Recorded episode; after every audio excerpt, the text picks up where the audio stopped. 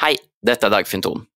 Etter intro og litt småprat med Anders og Marius kommer det en monolog fra meg om Glimt og Molde de siste seks–syv sesongene, som en oppbygning til der vi er i dag. Det dro ut litt lenger enn det jeg hadde tenkt, så hvis du ønsker, kan du hoppe rett til forhåndsanalysen av cupfinalen, rundt 21 minutter ut i episoden. Uansett så håper vi at du får en god lytteopplevelse.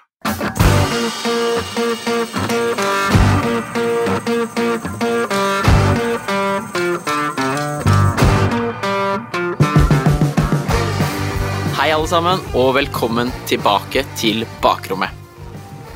I dag skal vi eh, prate om cupfinalen som kommer på lørdag, mellom Glimt og Molde. Kampen spilles klokka fire og kan ses på NRK1. Ja, gutter, dette er jo et eh, spennende tema. Hva, hva, hva, hvorfor er dere gira på å prate om det her eh, i denne episoden, Marius? Nei, Molde og Glimt er jo to, to, av de absolutt beste lagene i Norge, og har vært det i de siste årene. Og jeg syns den dynamikken mellom de to eh, nå nylig, i moderne tid, med 4-3-3 mot 5-3-2 og kampen mellom de to formasjonene, syns jeg er veldig spennende. Utrolig gøy at vi får det i en cupfinale eh, langt etter det som burde vært sesongslutt. Ja, Anders. Ja, er det forventning Du har også høye forventninger til kampen, eller? Ja, veldig. Og det er jo både pga. det Marius sier med at det er to av Norges beste lag, og Norges to beste lag de siste sesongene. Selv om Molde har hatt en litt tråere sesong i år, så er de jo fortsatt eh, et meget bra fotballag. Og den her taktiske dynamikken da, mellom to eh, formasjoner som eh, ja, du kan både si at de står bra til hverandre, men òg at de står litt dårlig til hverandre. Spørs hvem du spør. Men det har bydd på noen veldig interessante oppgjør i det siste, så det er ingenting som tyder på at vi får noen mindre interessant kamp til helga nå. Nei, det blir uh, veldig interessant, og for Molde så er jo denne kampen uh, ja, skal vi si avgjørende for hvor god sesongen blir. For det, Molde må vinne for å få europaspill neste sesong, så det står veldig, veldig mye på spill for spesielt for Molde. Uh, for meg som eliteserienerd så er jo dette her hva blir det? Så kommer julaften 18 dager eh, før jeg trodde den skulle komme, så det her er helt, helt nydelig å kunne prate med dere og høre på hva dere har kommet fram til når dere har titta på Glimt og Molde. Um, jeg har titta på Glimt og Molde i mange år sammen med de andre eliteserielagene, og um, jeg tenkte at vi kunne starte med en liten, liten reise på hvordan vi har kommet oss hit vi har kommet nå. Altså starte med 2017, da Glimt faktisk var i Obos-ligaen. Høres ikke det bra ut, gutta? Så har dere et sånn eh, Får dere litt eh, sånn database til å trekke noen linjer tilbake i tid hvis dere ønsker det? Herlig, det. Høres jeg er spent på å lære mer om det, for det er jo egentlig ganske nylig at jeg har begynt å virkelig interessere meg for Eliteserien og, og se, se, en del, så det blir gøy å høre hva det, hvordan det så ut for eh, noen år siden. Ja, jeg kunne jo brukt to-tre timer på det her, men vi skal prøve å gjøre det litt kortere. Eh, 2017 starter vi med Molde. Ole Gunnar Solskjær var hovedtrener i Molde, og nåværende hovedtrener Erling Moe var assistent. Vi spilte 4-2-3-1 offensivt, 4-4-2 defensivt. På høsten så testet de faktisk ut det å spille med tre stoppere i en trebekslinje i en del kamper. Molde tok sølv bak Kåre Ingebrigtsens Rosenborg. De kom til semifinale i cupen. De hadde ingen europakamper fordi de kom på sjetteplass året før. Bjørn Bergman Sigurdsson ble toppskårer, og 16 år gamle Erling Braut Haaland fikk sin debut på A-laget til Molde. Glimt på sin side spilte i Obos-ligaen. Glimt rykket opp, 16 poeng foran start. Noen av spillerne på opprykkslaget var Ulrik Saltnes, Trond Olsen, Mathias Nordmann og Brede Mo. Det var noen tenåringer i det 2017-laget som dere kanskje har hørt om, som fikk noen minutter den sesongen. 18 år gamle Patrick Berg, spilte ca. en tredjedel av minuttene. Fredrik Bjørkan, 17 år, litt mindre enn Berg. 16 år gamle Jens Petter Hauge spilte en god del, og like gamle Håkon Evjen fikk bare noen få minutter på banen. Martin Bjørnbakk, som nå spiller i Molde, var en viktig brikke i dette Glimt-laget. Kristian Fardal Opseth ble toppskårer i Obos-ligaen. Så har jeg en liten quiz til dere to gutta og det er hvem skåret nest flest mål i Obos-ligaen det året, 2017. Og da tenker vi, inkluderer vi alle lagene. Er det noen som vil prøve seg? Nei, det, det, det kan jeg ikke tenke meg at jeg klarer. Det er, noen som skal spille, det er en spiller som skal spille i cupfinalen, som har runda 30. Pellegrino? Nei. Jo da, Pellegrino. Jo da. Ja. 18 mål for Mjøndalen i Obos-ligaen. Ja, Bra, Anders. Ett poeng Takk. til Anders. 1-0. Etter 2017-sesongen tok Knutsen ansvaret som hovedtrener. Eh, Fram til det så var Åsmund Bjørkan hovedtrener slash hovedtrener sammen med Knutsen. Og Åsmund Bjørkan ble sportslig leder, assistenttrener, spillerutvikler, speider, you name it. 2018, med sølv i 2017 ble det igjen europaspill for Molde, og 2018 er året hvor Erling Braut Haaland virkelig slo igjennom i Molde. 2018 la Solskjær vekk Trebekslinja som de testet ut i 2017, og de spilte mest 4-3-3 på våren. Men da selveste Magnus Wolff Eikrem kom tilbake sommeren 2018, så fikk han så klart igjen tierrollen sin i 4-2-3-1. Det endte med sølvmedalje, fem poeng bak Rosenborg, som for øvrig sparket Kåre Ingebrigtsen den sommeren. I Europa stoppet det opp i playoff til gruppespillet i Europaligaen da de møtte Zenit. I Glimts første sesong etter opprykket endte det med hele 14 uavgjort av 30 kamper. De holdt plassen med tre poengs margin. Molde vant 0-1 på Aspmyra, mens Glimt tok én av totalt to borteseiere mot nettopp Molde. Farda Opseth ble igjen lagets toppskårer med ti mål. Men det mest interessante er hva som skjedde mellom sesongslutt 2018 og sesongstart i 2019. Tilbake til Molde, så seint som i 2018, seint i 2018 så hentet United Solskjær som midlertidig trener. Haaland dro også til Østerrike 1.1. Daværende assistenttrener Erling Moe tok over. Leke James og OI var spissene som skulle ta det videre, med Maestro Eikrem til å servere, fra tierrollen i Moes 4-2-3-1. Molde tok gull fem år etter det forrige.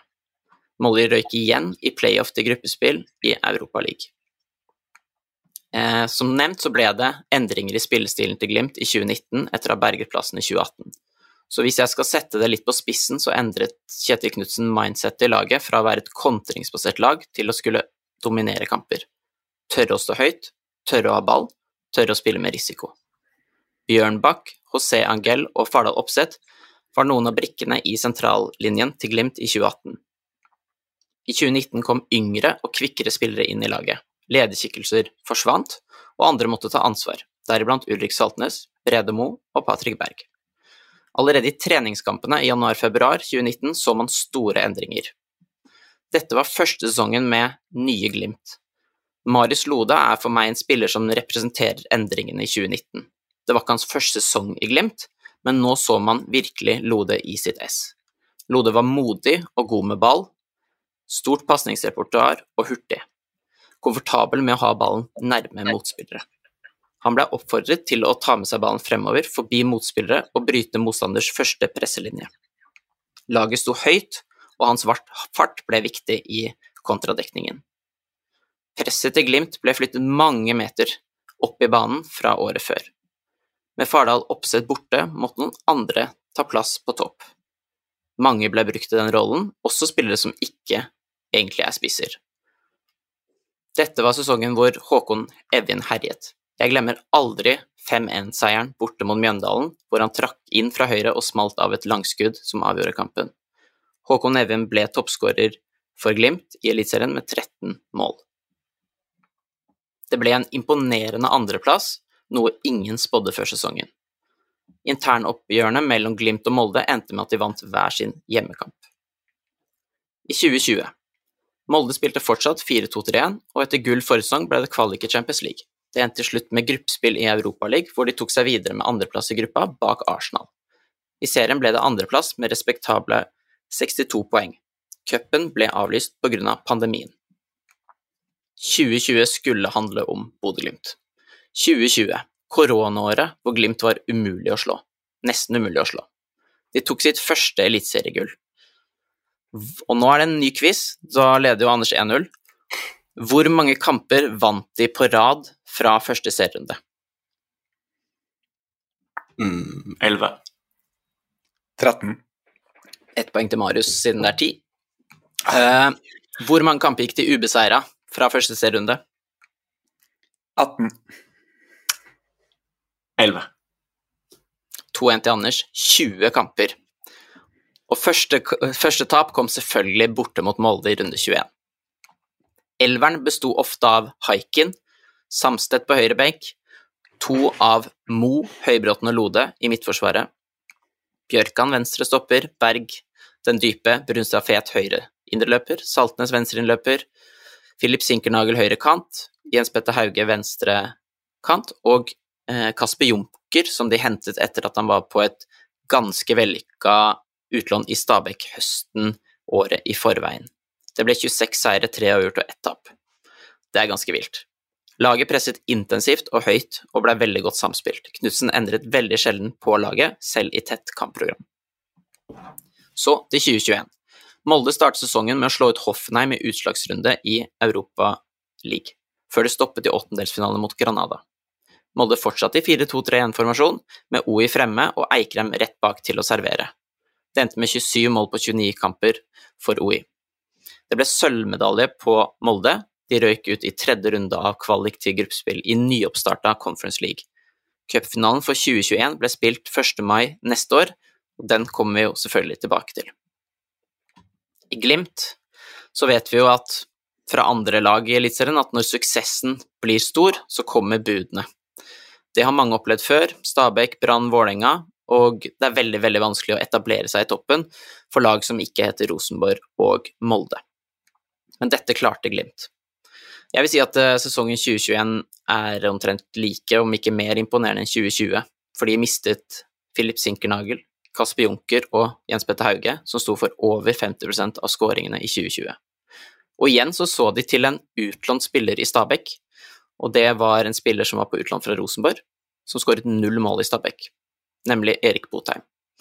Og inn kom også Sondre Sørli fra Kristiansund, og Ola Solbakken ble jo henta sommeren før, men ble nå, først nå virkelig viktig i laget.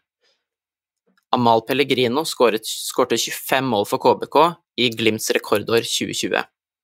Han fikk seg et halvt år i varmere strøk, for Glimt hentet ham tilbake til Eliteserien sommeren 2021. Det ble en kamp mellom Molde, Glimt og til dels Viking om seriegullet, og Glimt vant med tre poengsmargin, de skåret langt færre mål enn året i forveien. Dette var også sesongen hvor de ganske så sensasjonelt slo José Mourinhos Roma 6-1 på Aspmyra og 2-2 borte. Roma spilte da en slags 4-2-3-1, men ting skulle endre seg når de møttes igjen året etterpå.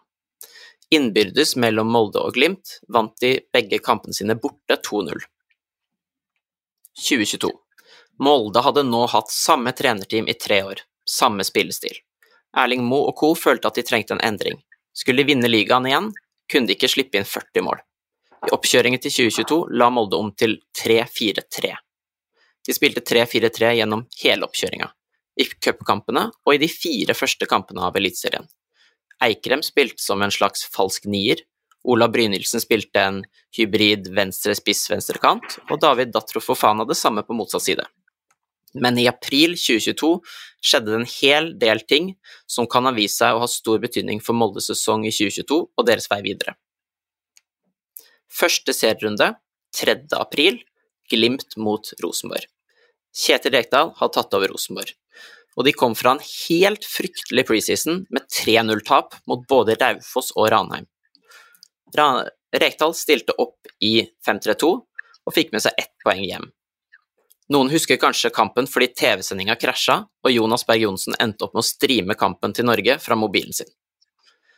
Fire dager etter skulle Glimt igjen møte Roma, denne gangen i utslagsrunde. De vant 2-1 hjemme i en sjansemessig jevn kamp, men Roma hadde endret fra å møte Glimt med to stoppere til tre. En uke senere ble returkampen spilt i Roma. Roma knuste Glimt 4-0.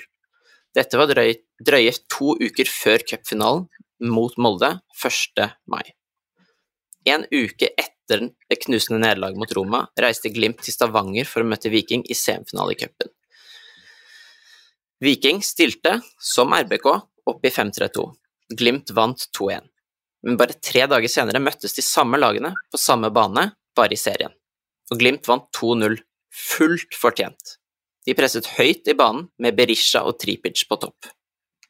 Haikin, Samsted, Bembagomis, Gomo, Sari Larsen og Høybråten endte med å slå mye langt. Viking presset i liketall, de presset høyt, og det endte opp med lange baller mot Glimts tre fremme, mot Vikings tre stoppere, og det var knockout-seier til Viking. Viking tok ut Glimts styrker på imponerende vis, tydelig inspirert av Rekdal og Mourinho. Det begynte så smått å snakke om at Glimt-koden var knekt. Litt vann der, ja.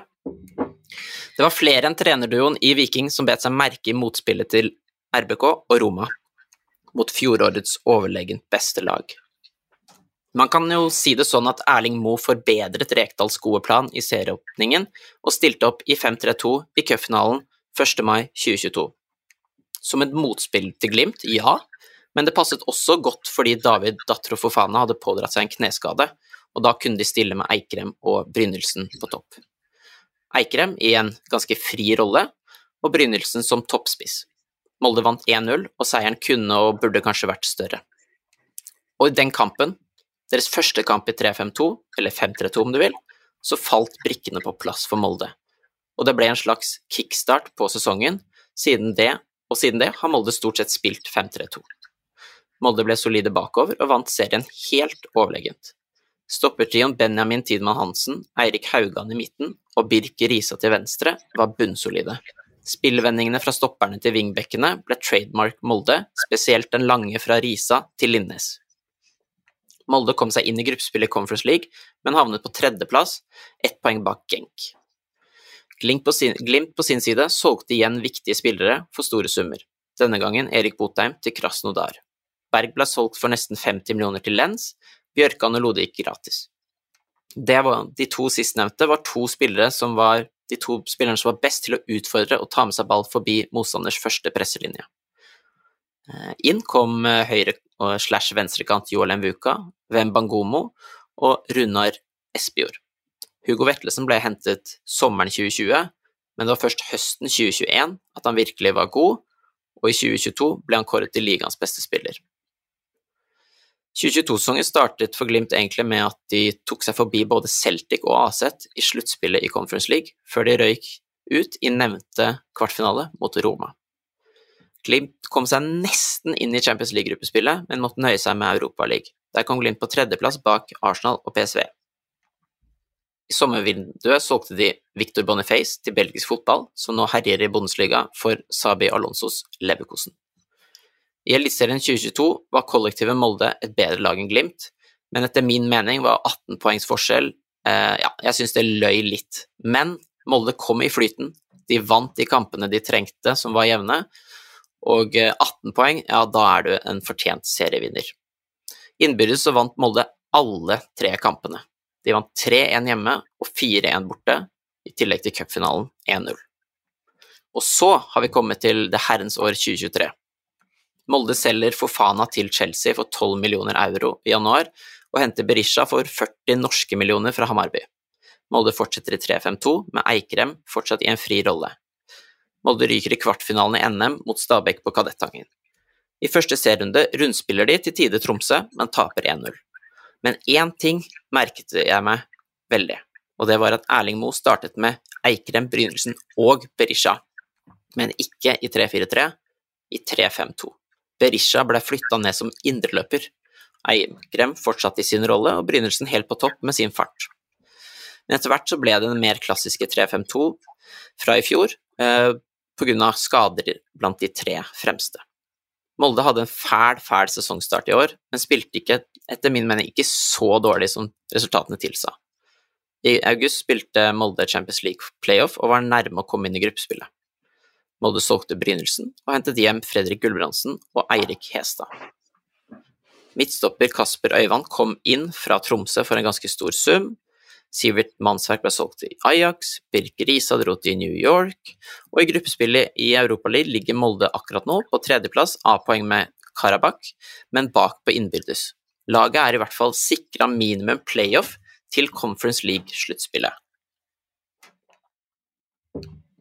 I Eliteserien endte det med en skuffende femteplass, og de to siste seriekampene mot Sarpsborg og HamKam har egentlig betydd veldig lite. Glimt. Glimt henter ny venstreback i Adam Sørensen, og når muligheten kom seinere, hentet de også Fredrik Bjørkan.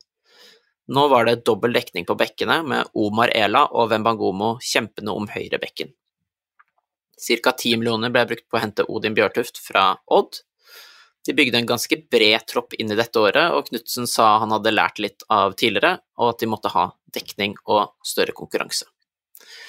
De ryker mot Lech Poznan i playoff til sluttspillet i Conference League i februar. I uh, Eliteserien har det stort sett vært en stor opptur i år, foruten en formdupp i sommer etter at Vetlesen og Envuka forlot Glimt. Albert, Albert Grønbæk ble hentet sommeren i forveien og har vært en av Eliteseriens beste spillere i år. Patrick Berg kom tilbake til Glimt helt på tampen av sommervinduet 2022 og har spilt omtrent alt for Glimt i år. Faris Pemi Mombagna ble henta fra KBK, som rykket ned, og Glimt vant serien med 70 poeng, 9 poeng ned til Brann på 61 poeng. Molde havnet hele 19 poeng bak Glimt, ett poeng mer enn det Glimt havnet bak Molde i fjor. Men også 19 poengs differanse i 2023 syns jeg lyver no noe. Styrkeforholdet mellom dem er ikke så stort etter min mening, men Glimt har vært det beste laget i år. I sommer hentet Glimt talentfulle Tobias Gulliksen og Daniel Bassi. Inn kom også solskinnshistorien Oskar Kapskarmo fra Bodø-klubben Junkeren i andredivisjon. I Europa tok de seg gjennom flere kvalikrunder og inn i gruppespillet i Conference League, hvor de nå er sikret topp to og videre spill i Europa på nyåret. Amal Pellegrino ble ligaens toppskårer og tok over målpoengrekorden til Philip Sinkernagel fra rekordåret 2020. Innbyrdes ble det 2-2 i Bodø i sommer, en rar kamp med utvisning på keeper Karlstrøm etter 18 minutter. På Aker i høst, som Marius og Anders har sett, som jeg vet, så spilte de uten Amal Pellegrino. Jeg husker ikke om det var skade eller suspensjon, men han spilte i hvert fall ikke. Og i den kampen vant Glimt 1-3. Eh, Emil Breivik, som normalt spiller venstre indreløper, spilte stopper, og Christian Eriksen, som normalt spiller indreløper, spilte spiss. Og da har vi kommet fram til i dag, gutta. Ble dere noe klokere på denne historietimen? Det vil jeg si. Absolutt. Og hva du ikke kan, altså. Da ble du jo imponert. Først og fremst imponert over alt det du har fått med deg her, men òg så biter jeg med meg merke i det her eh, spillelogistikken til Bodø-Glimt. Mm. Den eh, kommer man ikke utenom, da. Det må jo være noe av det beste spillelogistikken som er gjort uh, i norsk fotball. Der de har bare solgt unna de beste og henta inn folk som har vært omtrent like god og blitt like god. Så det, det må vi ikke undervurdere, altså. For en jobb. Det er jo kombinasjon, det er kombinasjonen av trenerteam og, og spillerekruttering der som virkelig treffer. De, de klarer å utvikle spillere opp i, opp i nord der, det er helt sikkert. Um, ja. Nå skal vi snart gå inn på kampen, spill, motspill osv., men la oss ta litt, uh, litt om skadestatus og forventa elver inn mot kampen. Uh, det første vi starter med, er jo at det spilles på Ullevål, som er på naturgress. Kvinnelandslaget spilte mot Portugal, var det på tirsdag? Nei, jeg husker ikke, det er en liten stund siden, og man så i hvert fall at banen ikke er helt perfekt. Eh, så kan vi diskutere litt hvordan det spiller inn etter hvert. Eh, når det gjelder Molde, så er jo da Jakob Karlstrøm antageligvis ute. Han har vært ute en stund eh, som keeper der. Han er på trening nå, men starter neppe. Så da er det Oliver Petersen som fortsetter i mål, en spiller som Kanskje ikke er like ruvende i feltet, litt mindre, men god skuddstopper og strafferedder, som vi så i kampen mot Glimt på Aker stadion. Martin Linnes ble jo uheldigvis skadet før kampene mot sin gamle kubb Garatasaray, og har slitt siden det, men han kom inn fra benk forrige kamp, så han kommer nok til å få en rolle i cupfinalen, så får vi se om det er fra start eller fra benk. Erling Knutson er ute, Fredrik Gulbrandsen ble spart uh, sist for å være klar til cupfinalen, han har ikke spilt de to siste kampene, har slitt med et eller annet, men han kommer til å være involvert, så får vi se om han starter eller kommer inn. Vet om Berisha har også hatt veldig mye skadeproblemer denne sesongen. Eh, han spilte ikke nå på søndag mot HamKam, men eh, det sies at hvis det hadde vært cupfinale på søndag, så hadde han vært klar. En spiller som etter min mening er ganske vesentlig om å bli klar, det er Markus Kaasa. Uh, usikker på hvor mye han kan spille, men uh, spiller han, så betyr det at Emil Breivik kan spille sin favorittrolle venstre innløper. Um, og det vil etter min mening en ganske stor uh, fordel for Molde. Tapet av mannsverk i sommer, det, det, er veldig synlig. Spesielt når man må flytte på Emil Breivik, som kanskje har vært Moldes beste spiller de siste to sesongene. Når det stopper, stopper, stopperne der, så er det Øyvand, Kasper Øyvand henta fra Tromsø, som kommer til å starte som den midterste stopperen. Eirik Haugan, som var den midterste stopperen i sesongen i fjor, han spiller høyre stopper, og Ellingsen på venstre stopper. Uh, Ellingsen har jo en del kamper gått opp i midtbaneleddet i angrep, så får vi se om det skjer mot Glimt. Jeg mistenker at de har en litt mer forsiktig inngang uh, mot Glimt, i hvert fall i starten. Um, ja, det, det, er jo egentlig elveren der. Så er det Løvik på høyrebekk, da hvis Linnes ikke er klar.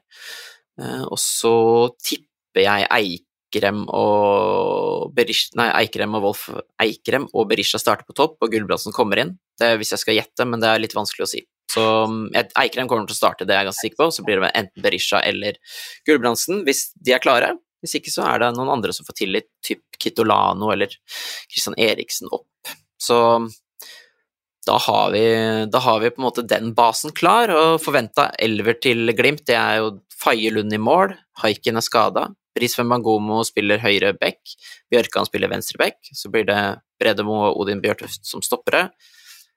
Grønbekk venstre innløper, Patrick Berg i den dype, og så er det enten Brunstad-Fet eller Saltnes som høyre innløper. Jeg tror det blir Brunstad-Fet. Og så er det Pelle venstrekant, Faris Mombagna midtspiss.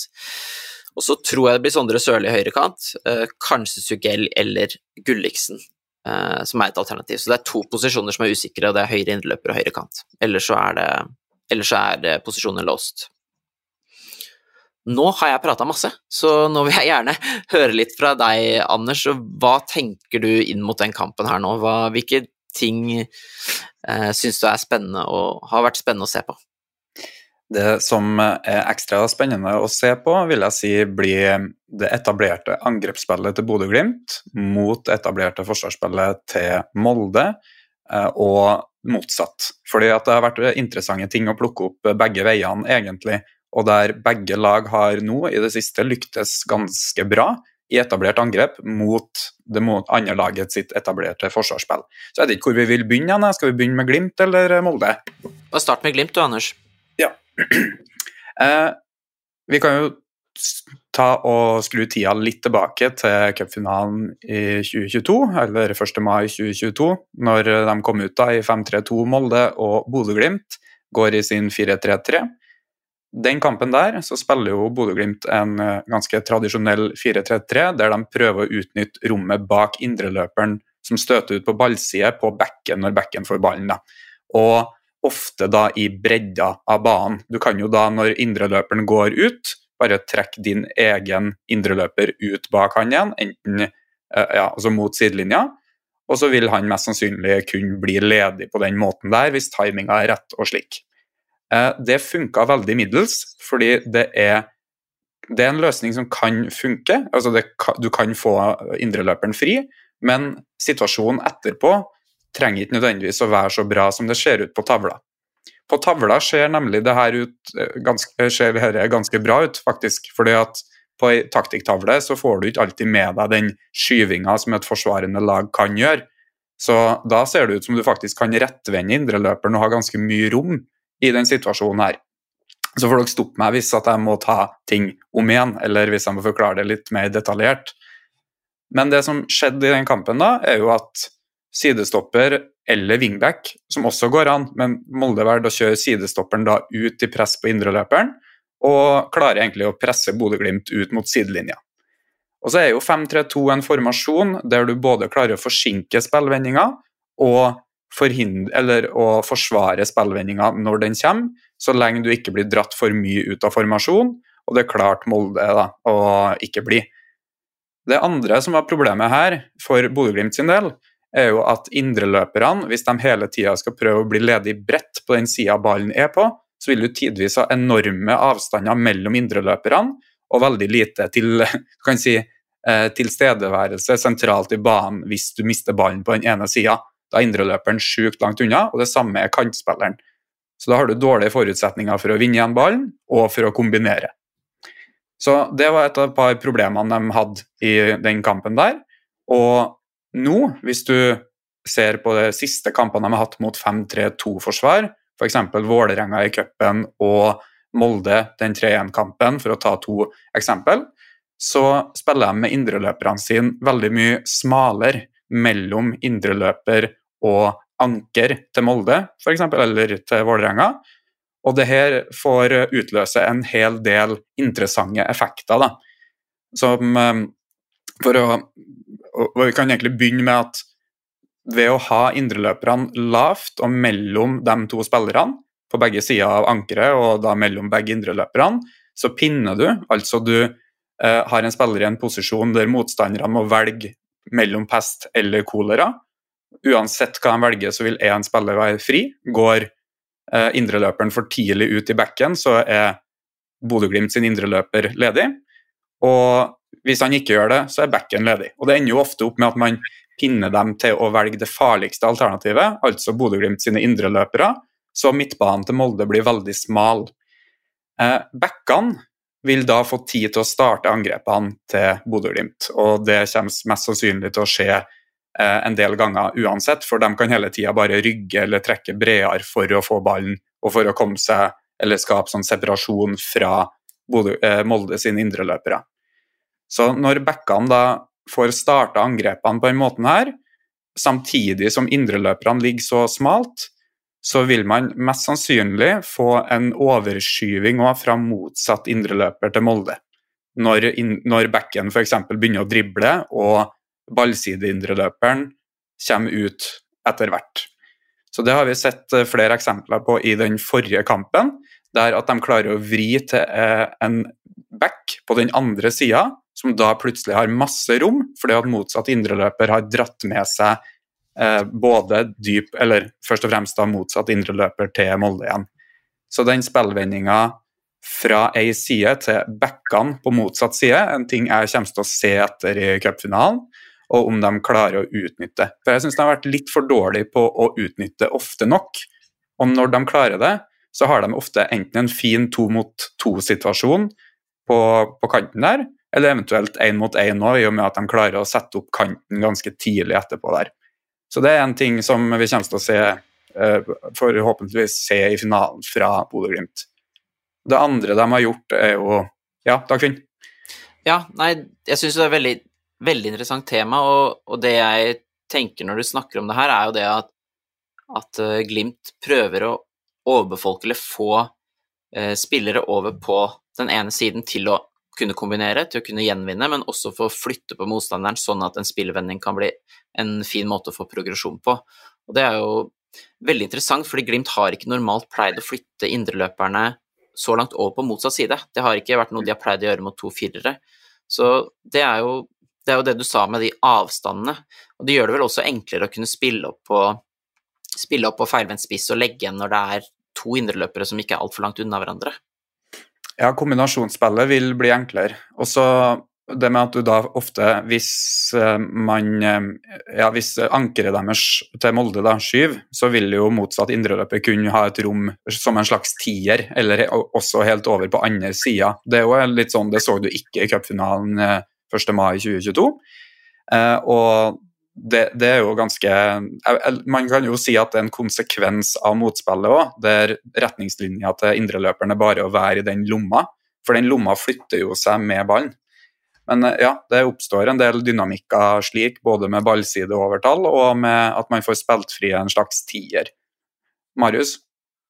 Ja, en viktig faktor for å få det her til å bli gjeldende, da, det er jo at, eh, at bekkene posisjonerer seg smart nok og smalt nok til at vi faktisk klarer å treffe disse linjene. Hvis du ender opp med å gjøre akkurat det samme som vi beskriver her, men så trekker Fredrik Bjørkan helt bredt ut på venstresiden eh, og mottar den der, så vil ikke effekten av posisjoneringa til høyre indreløperen være den samme, fordi at du trenger ikke å ta så hensyn til han når pasningslinja uansett ikke er relevant.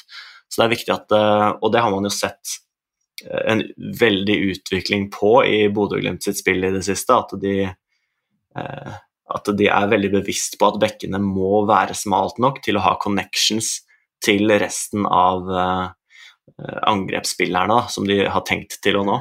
Og ofte så klarer de faktisk å treffe fra Bjørkan på venstrebekk, eller når Bangomo spiller venstrebekk, så klarer de å treffe motsatt indreløper i det rommet mellom anker og indreløperen til, til 5-3-2-systemet. Eh, og det, det, er en forutsetning for at du skal klare å få skyvd såpass på, eh, på midtbanen til, eh, til, Molde i den kampen her. Da. Ja, og det her med den posisjonen nå gjør jo at man klarer å finne motsatt back hvis at den motsatte indreløperen blir plukka opp fra Molde sin motsatt indreløper. Så den muligheten til å spille flere sentrale pasningsalternativ og være i posisjoner der de har flere muligheter til å bygge angrepet, det er jo en helt uh, avgjørende uh, ting for at det her skal funke, faktisk, og godt poeng. Jeg vil jo si at uh, man sier jo at man, han Kjetil Knutsen har lett etter et motspill her for å, mot 5-3-2, som du illustrerte i stad, Dagfinn. Og jeg vil jo si at i teorien så er den strukturelle posisjoneringa over hele linja nå uh, ca. optimal for det Bodø-Glimt prøver å få til. Og det med at de skaper en fri spiller og eventuelt får satt opp et overtall brett eller half halfspace, det er jo ofte det de prøver på, virker det som. Men det de har gjort nå, med å sette opp laget slik, det er på mange måter veldig bra mot 5-3-2, vil jeg si. Og her er det jeg mener med det. Fordi at de bruker tre spillere da, til å pinne bakre femmeren. De har spissen, Mbagna og så Mombagna, Er det sånn man uttaler det? Ja, Mombagna. Mombagna. Det blir en lang vinter med mange dårlige uttaler. Vi fares premie, du. Fares premie. Ja, vi sier Fares premie. Og kantene, som holder bredt og høyt. Eh, og så har du da lave og smale indreløpere, som gjør at sidestopperne sliter med å støte ut på dem, uten at de da gir bort masse plass til de tre. Og de tre på topp til Bodø-Glimt er jo ikke noen hvem som helst. For da må du spørre deg er det bedre for deg å gå nærmere mann til mann, eller er det bedre å fortsatt holde femmeren intakt for å ikke altså, eksponere deg sjøl mot eh, Faris Pemi? Så det, det, er jo et sånt interessant taktisk eh, spørsmål trenerne må stille seg. Samtidig som det spiller veldig på Bodø-Glimt sine styrker. Du har driblesterke backer, du har kombinasjonssterke indreløpere som er gode på små rom, og du har ekstreme én-mot-én-spillere på topp. Det, den er ikke enkel. Jeg så jo da den Tromsø-kampen sist. Eh, så, så, virker det som om eh, som om Knutsen er veldig bevisst på akkurat den én-mot-én-duellen som man eh, ønsker å skape seg. For Tromsø er jo de er jo enda mer eh, tydelige på at de gjerne følger de indreløperløpene eh, og blir med med sidestopperne sine, og det gjorde de også mot, eh, mot Bodø-Glimt. Eh, og når da du klarer å trekke de sidestopperne veldig inn sentralt og frem, gjerne så, så har jo Bodø-Glimt begynt med å trekke disse indreløperne sine til og med på rettsida av av, sin, av motstanderens midtbaneledd. Sånn at du tvinger sidestopperen til å være med til og med forbi sine egne midtbanespillere hvis de skal være effektive i å klare å plukke opp, eh, plukke opp dem. Eh, og det, det, ble jo Tromsø utfordra på, og løsninga til Knutsen var jo bevisst å prøve å lete etter den én mot én på spiss. Eh, ganske tidlig. da, At du får den ut til en vinkel, til en bekk f.eks., som da har vinkel til å slå den ballen på en spiss i en medløps én-mot-én-situasjon eh, som kan bli skummel når den spissen er Faris Pemi. Mm. Ja. Og... ja, fordi det som er interessant med Faris Pemi, er jo at han har på en måte en fysisk pakke som ikke alle de Glimt-spillerne tidligere har hatt. Han har eh, relativt bra fart, og han er jo utrolig sterk. Han eh, kan jo bli enda bedre feilvendt eh, med tida, men det å liksom få satt opp han eh, både som du sier én mot én, han kan stikke i bakrom, han kan også bare holde, stoppe unna og spille opp, legge igjen til rettvendt innløper, det gjør jo at de har litt flere verktøy i, i, i verktøyskrinet sitt, ikke sant, Marius? Ja, det er, jo, det er, jo, ganske tydelig hva de har tenkt på i spillelogistikken sin i det siste. De har jo sett at oi, shit, vi møter mann-mann ganske ofte. Vi møter 3-5-2. Vi, vi, trenger en spiss som har den fysiske pakka til å spille én mot én. Én mot én om det er i lufta, eller om det er langs bakken eller om det er i bakrom. Det, det har de jo truffet ganske bra på i akkurat han. Da. Eh, men man ser jo det også i den rekrutteringa de da gjør i sommer av eh, Oskar Kappskarmo, som man kanskje ikke så mange har sett. Jeg har jo slitt med han eh, han der i et par år nå. Jeg var jo så uheldig å møte han i tredjedivisjon i fjor med Tiller, og det var jo totalt umulig å få tak i den karen. Om det er at han du klinker han langt fra keeper, så står han der med brystkassa si altså mot, uh, mot hodet ditt og prøver å ja, Det er umulig å komme rundt han. Uh, og hvis du kommer til et innlegg, så er det uh, ja, så er det 95% sikkert at han vinner den hodeduellen hvis den lander i nærheten. Dessverre var jeg så uheldig å møte han i år igjen i andredivisjon med, med Stjørdalsblink. Uh, det var ikke noe lettere å, å, hanskes med han da. Jeg tror ikke det er så veldig mye lettere å hanskes med han i Eliteserien heller, når han får spille på akkurat sine premisser. Så du ser at rekrutteringa på spissplass den har jo tatt hensyn til hva slags motspill de møter og kommer til å møte mer av. Ja, og de vil jo fortsatt uh, kunne dra nytte av det kombinasjonsspillet de har bredt. For det er jo en ting som skjer i Molde-kampen nå, både med og uten uh, veldig sånn planlagte og godt gjennomførte spillvendinger, så vil indreløperne til Molde smale inn såpass at du får en midlertidig to mot to, eller eventuelt to mot én, hvis bekken eh, kommer rundt kjapt nok, enten på underlepp eller overlepp. Og da har du i et sånt worst case da, av et etablert angrep et, uh, en innleggssituasjon som Molde på en måte aldri klarer å forsvare. De klarer ikke å forsvare at innlegget kommer, de kan jo så klart forsvare innlegget. Men igjen, når du har Faris Bemi der, så er jo ikke det så ille, hvis du tenker på hvor, ja, hva du kan ende opp med. Ofte mot 5-3-2-systemer så altså, ofte, ofte, tenker man at ja, vi må sette opp én mot én-situasjoner eh, på kanten.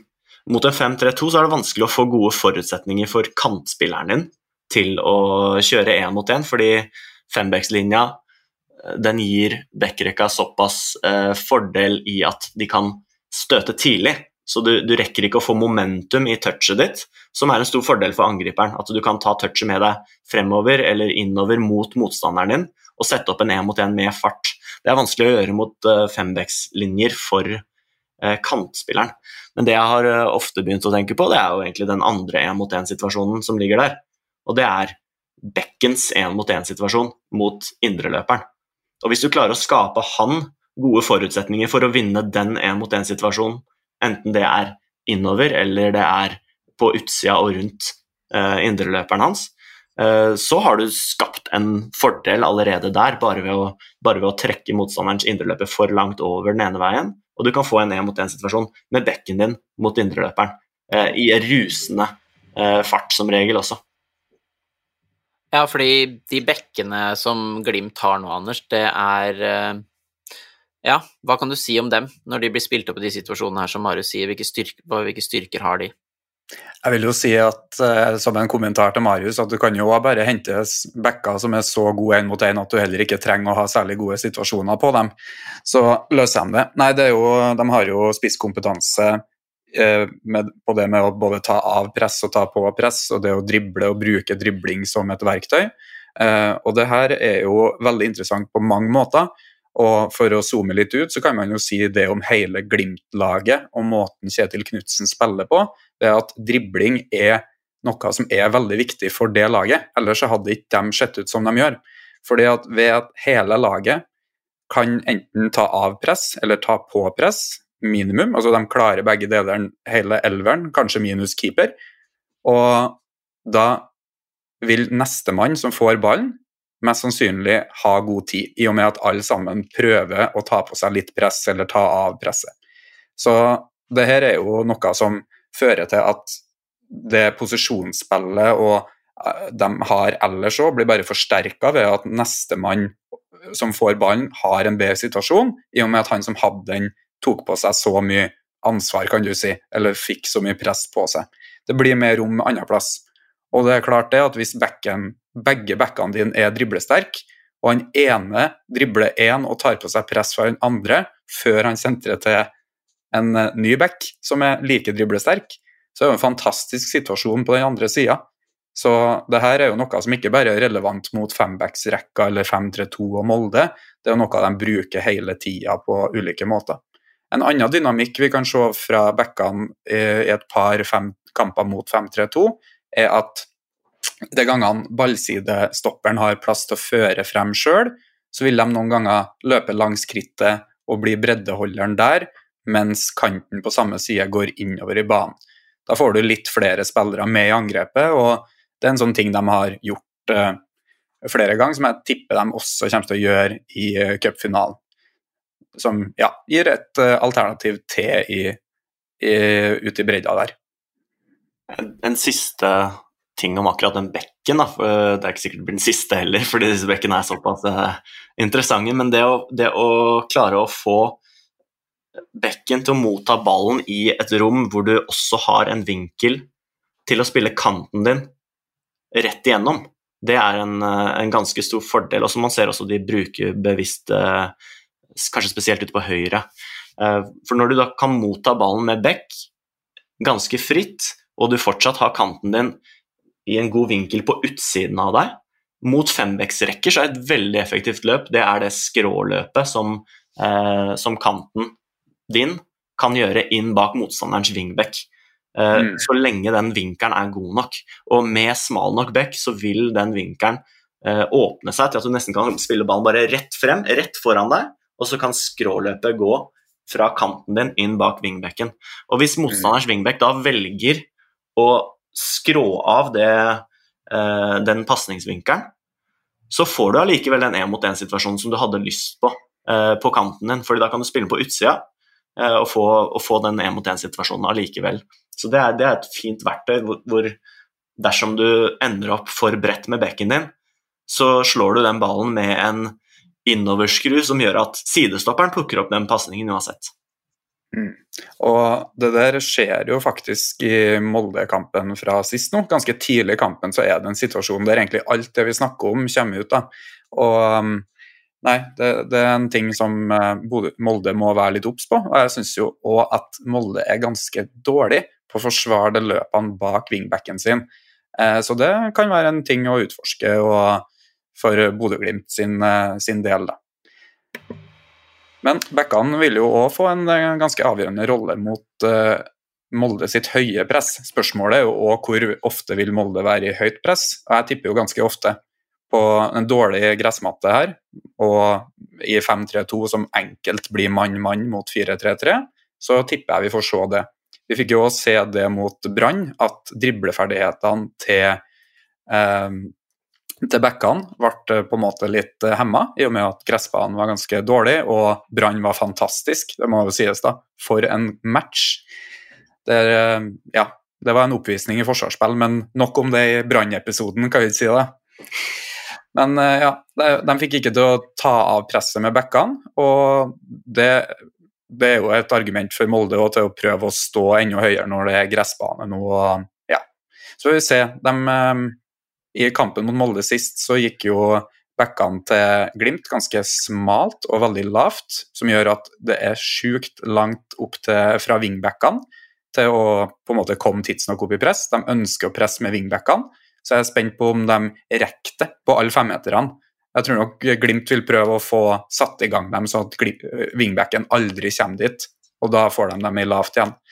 Men ja, det kan være en potensiell nøkkelsituasjon for Eh, for Molde. Og um, eneste spørsmålet de da må stille seg, er vel kanskje Faris Pemi mot uh, han Øyvatn? Kasper Øyvann, ja. Ja, og det blir jo Høyvatn, trønder. ja, men det ble jo avgjørende. Det er også 3-1-målet sist. Det kom jo som en konsekvens av at Molde sto høyt i nesten mann-mann. Uh, og det vil jeg si at kanskje var en uh, grunn til at det ikke gikk helt, da, var at den mannmannen ble akkurat litt for uh, Kanskje litt for konservativ, fordi var det Ellingsen som spilte side, venstre sidestopper der. Han, han, kom over og skulle hjelpe kanskje litt for mye da, på Faris Pemi mot Kasper Øyvand i den situasjonen hvor han, hvor han står egentlig alene én mot én mot, mot Pemi, og så kommer Ellingsen over. Og da, når PMI allikevel vinner 1-mot-1-situasjonen sin, så er høyrekanten eh, mm. til, mm. til eh, Bodø-Glimt helt fri til å sette den alene, alene med keeper i en situasjon hvor du, du, må nesten stole på stopperen din i den feilvendte 1-mot-1-situasjonen der. Hvis ikke så, så blir du straffa sånn som de faktisk ble. Mm. Så er spørsmålet da når um, de har Faye Lund i mål, Bodø-Glimt, om uh, de klarer det samme med oppspillene. De sleit jo veldig med det her mot Brann, nettopp Brann. Og så får vi se om de klarer å forberede den langpasningen litt bedre med å f.eks. spille den ut på back, få kombinert litt før de spiller, sånn at midtbanespillerne til eh, Molde ikke er like nærme Faris Bemi når oppspillet kommer. Da tror jeg at han vinner nok baller til at det kan bli farlig, men det er jo en sånn der risikoavveining. For jeg, jeg tipper hvis det kommer ti oppspill uansett, så vinner ikke Øyvand alle. Og så kan det bli mål på det ene. Så det er jo en ting Erling Moe mest sannsynlig grubler litt på. Hvor, hvor stor grad tør de det der? Og jeg tipper kanskje de prøver en del.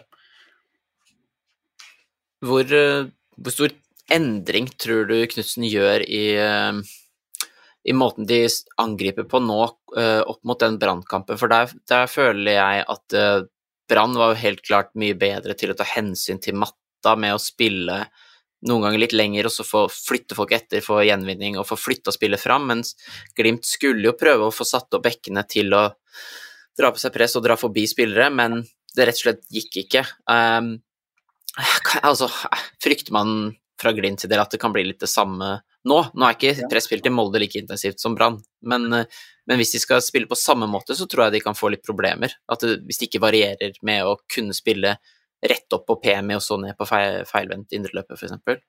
Mm. Ja, det er sant. Eh, og en interessant tanke, eller du må vurdere sjøl om den er interessant, men jeg fikk en tanke som jeg sjøl syntes var interessant eh, imot Brann der. Eh, for de spiller jo da med høyrebeint høyreback og venstrebeint venstreback, am I right? En, Uh, ikke ikke Brann, nei. Nei, Glimt, Glimt, mener jeg. Å, Glimt, nei, det er jo to uh, høyrebeinte. Det er to høyrebeinte, ja. ja. Men uh, han Wembangomo er vel kanskje den som er best til å drible av dem to. Eller du sier det er en fair vurdering av dem? Ja, og du snakker om side... Jeg syns det er stopperne jeg, skjønner du. Nei, sidebackene. Ja. Å ja, ja da, da, er det eh, Bjørkan venstrebeint og, og Wembangomo ja. høyrebeint. Ja, riktig. Ja, det var det jeg mente. Uh, I en av situasjonene, for de mislyktes jo som regel, i hvert fall relativt sett sammenligna med det de gjør i en vanlig kamp, uh, Bodø-Glimt. I en av situasjonene, etter en corner til Glimt, så havner Wembangomo på venstre back. Eh, som en litt sånn tilfeldighet fordi han står igjen og har eh, forsvar, eh, sånn, eh, offensiv markeringsforsvar på corner. Han havner som venstre back, og da får han til å drible av situasjonen ved at han kommer seg inn og får flere alternativer. Så én ting kan faktisk være å spille med motsatt fot, eller altså spille på den andre sida enn der du har godfoten din, på den beste dribleren, og kanskje da f.eks. bruke han Wembangomo på den måten. For det første så kan du drible inn og kanskje få flere alternativer. Du kan drible inn og vende spillet litt enklere, men du kan også drible inn og spille opp på feilvendt spiss enklere enn en venstrebein kan, hvis han får masse press utover mot sida. Så det er en tanke jeg fikk, i hvert fall. Jeg tenker jo, Den tanken er jo absolutt god. Jeg ville kanskje gjort det heller på et, uh, en strøken kunstgressmatte. Og det er sikkert flere som har lekt med den tanken der, fordi du føler deg Jeg selv, når jeg spiller, jeg føler meg mye mer komfortabel på en uh, venstre back med høyrefoten enn man gjør på høyre, fordi du føler alltid at du blir pusha utover i banen. da, og du, du får så mye færre alternativer. Eh, så det føles mer komfortabelt. Men hvis du møter opp på Ullevål og du kanskje får den spretteballen opp i kneet, eh, så er det, så er det mulig at akkurat denne matchen så, så, trenger du å kunne bare trekke den ut på venstrefoten din og slå den, i, eh, slå den opp på, på, spiss, nesten i bakrom, og, og tenke at det er, det er en løsning som er viktig å ha i akkurat denne kampen her. og Jeg vet ikke hva dere tenker om det. Jo, jeg, jeg tror ikke de vurderer å gjøre det nå, men jeg syns det er en veldig interessant tanke som en mulighet seinere. Og jeg får bare legge til det som vi tok i den eh, litt lengre historiefortellinga i stad, at eh, spilte jo venstre back for Glimt hele, mm. omtrent hele sin første sesong. og jeg så jo treningskampene der som eh, forberedelse til eliteseriejobbing, og da, altså, det var jo som å se Bjørkan, bare at For Bjørkan er også veldig han er også veldig naturlig uh, med å dra inn i banen. Selv om han får sin sterkeste fot nærmere motspiller, så har han på en måte han har gjort det så mye at han har blitt ganske god og vant til å gjøre det. Eh, man så hvem Bangomo også gjør det samme. Han får ballen nærme motspiller, senker farta, og så bare voff på innsida. Så mm, det kan absolutt være noe, men jeg har ikke sett Bjørkan på høyre bekk enda. Men det hadde vært kult å se, kanskje i preseason neste år. Det hadde vært morsomt. For å si det sånn, jeg tror ikke de kommer til å eksperimentere med det her i cupfinalen. Det er ikke en teori om hva som jeg tror kommer til å skje, men det er en ting som jeg ville i hvert fall eh, som jeg leker meg litt med, da, med hvordan hadde det sett ut i et sånn type kampbilde. For Knutsen skifter jo veldig sjelden formasjon og strukturer, så vidt eh, jeg har fått med meg, Dagfinn. Så sånne ting kan jo heller eh, endre dynamikken i visse situasjoner enn det at man skifter formasjon helt. Men la oss si at de er litt konservative i cupfinalen og står mer lenger fra femmeteren. Jeg tror jo da at hvis de ikke bygger med noen pasninger i det hele tatt, at Molde vil, vinne flere av de lange oppspillene. I og med at de har flere spillere nærme andre ballen og de er bedre posisjonert. Da vil antagelig Molde få mer etablert angrepsspill enn hvis ikke. Eh, litt sånn veldig generelt eh, tenkt her. Og Da kan vi egentlig bevege oss litt inn på det etablerte angrepsspillet til Molde. og det kan vel du kanskje begynne Marius, med å beskrive litt hva, hva er forskjellen på dem og Glimt? Ja, Molde Når man ser på dem, det, det føles litt mer eh, Det føles som et mye mer fleksibelt lag. Eh, Glimt er jo ganske klassisk 4-3-3. Føles eh, kanskje litt mer eh, robotisk. Alle vet hvor de skal være, alle vet hvor pasningene går. De har veldig stor forståelse for systemet. Uh, mens når man ser på Molde, så kan det gå litt mer opp og ned. Det er ikke alltid at det ser like bra ut, men de gangene det, det ser bra ut, så ser det virkelig bra ut. Uh, eh, F.eks. mot Lillestrøm for ikke så mange kampene siden. Uh, når ting flyter, så har de en sånn rotasjon og nærhet til hverandre. Det er så mange spillere da, som plutselig kan dukke opp i mellomrom samtidig og kombinere med hverandre og spille en fotball som, som går på ett og to touch, som, som, er veldig vakkert for øyet, mer enn at det er posisjonene alltid som, eh, som, hjelper hverandre. Så er det så mange spillere i nærheten av hverandre som, eh, som dukker opp til rett tid og forstår hverandre sammen isteden.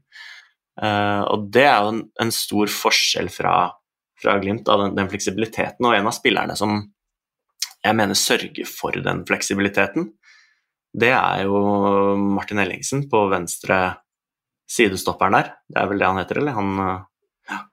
Det er riktig, det. Ja, han, han er jo veldig en veldig spennende stoppertype. Jeg har, jeg har ikke sett så mye, så mye Eliteserien før.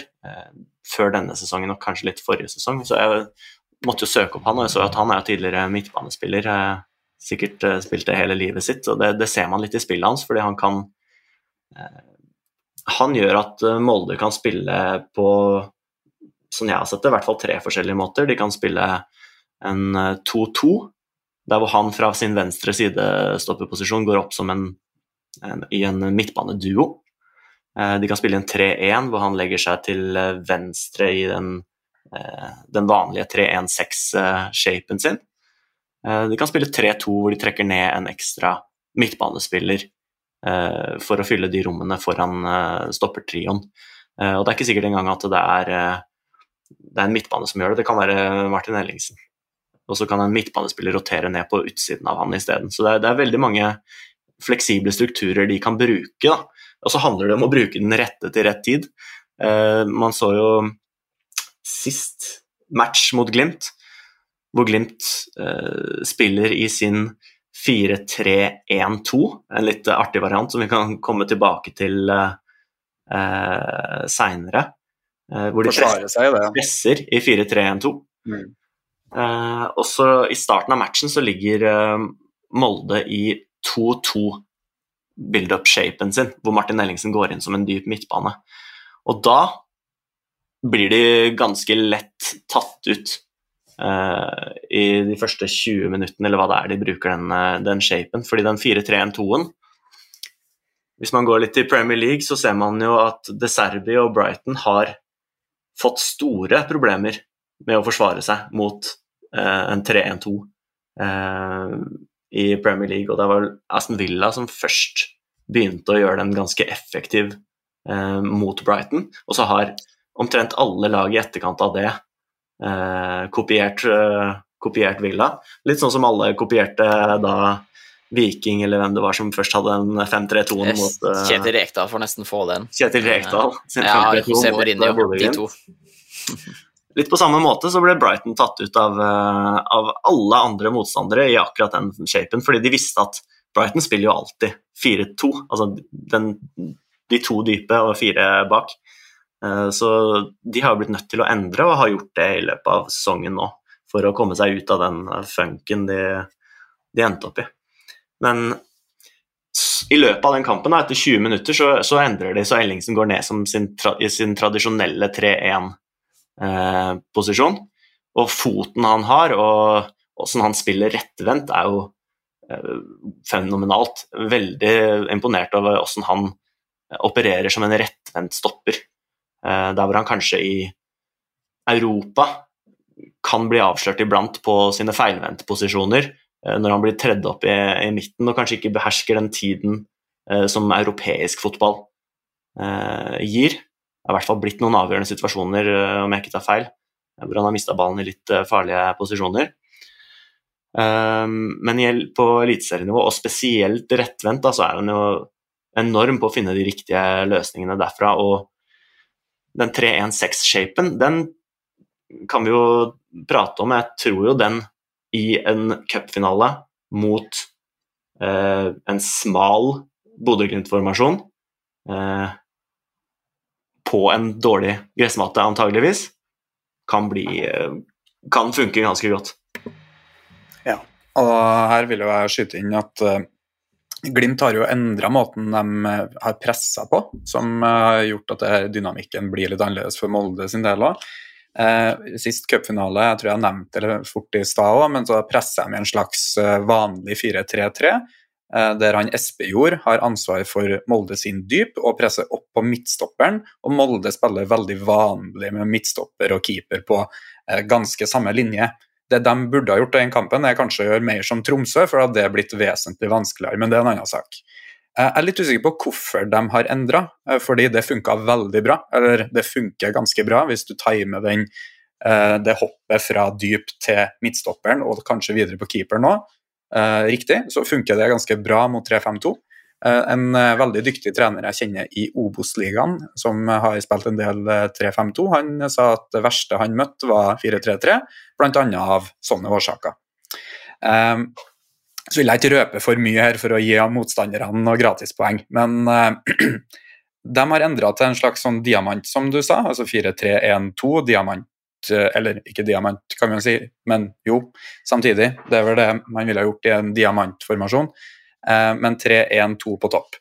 Og veldig smalt med spissene, og når de da klarte å spille fri stoppere bredt, så er Bodø-Glimt også ganske avventende med å presse, og det er her Molde får en fin mulighet. Eh, de har jo en slags sånn 3-1-5-1 eller 3-1-6-struktur offensivt.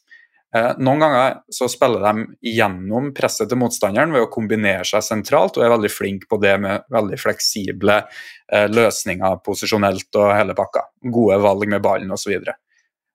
Men de kan også det å spille over et press F.eks. mot ei firebacksrekke så kan det her, som jeg tror jeg har vært inne på før, være veldig eh, effektivt ved at de spiller fri f.eks. han Ellingsen. da. Eh, og gjerne i en situasjon der Øyvand har tatt på seg litt press fra en av eh, spissene, som jo er, opererer som egentlig slags kanter i presset. Men i hvert fall du smaler inn hele formasjonen. Øyvand drar forbi, eller klarer å slå forbi eller slå over og ut til en sidestopper.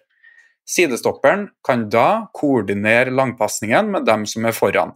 Og Da har du seks spillere potensielt som kan true den bakre fireren til, ja, til motstanderne. Og du kan overloade den siste linja der.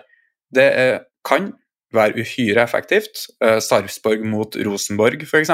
i Sarpsborg gjorde akkurat det samme.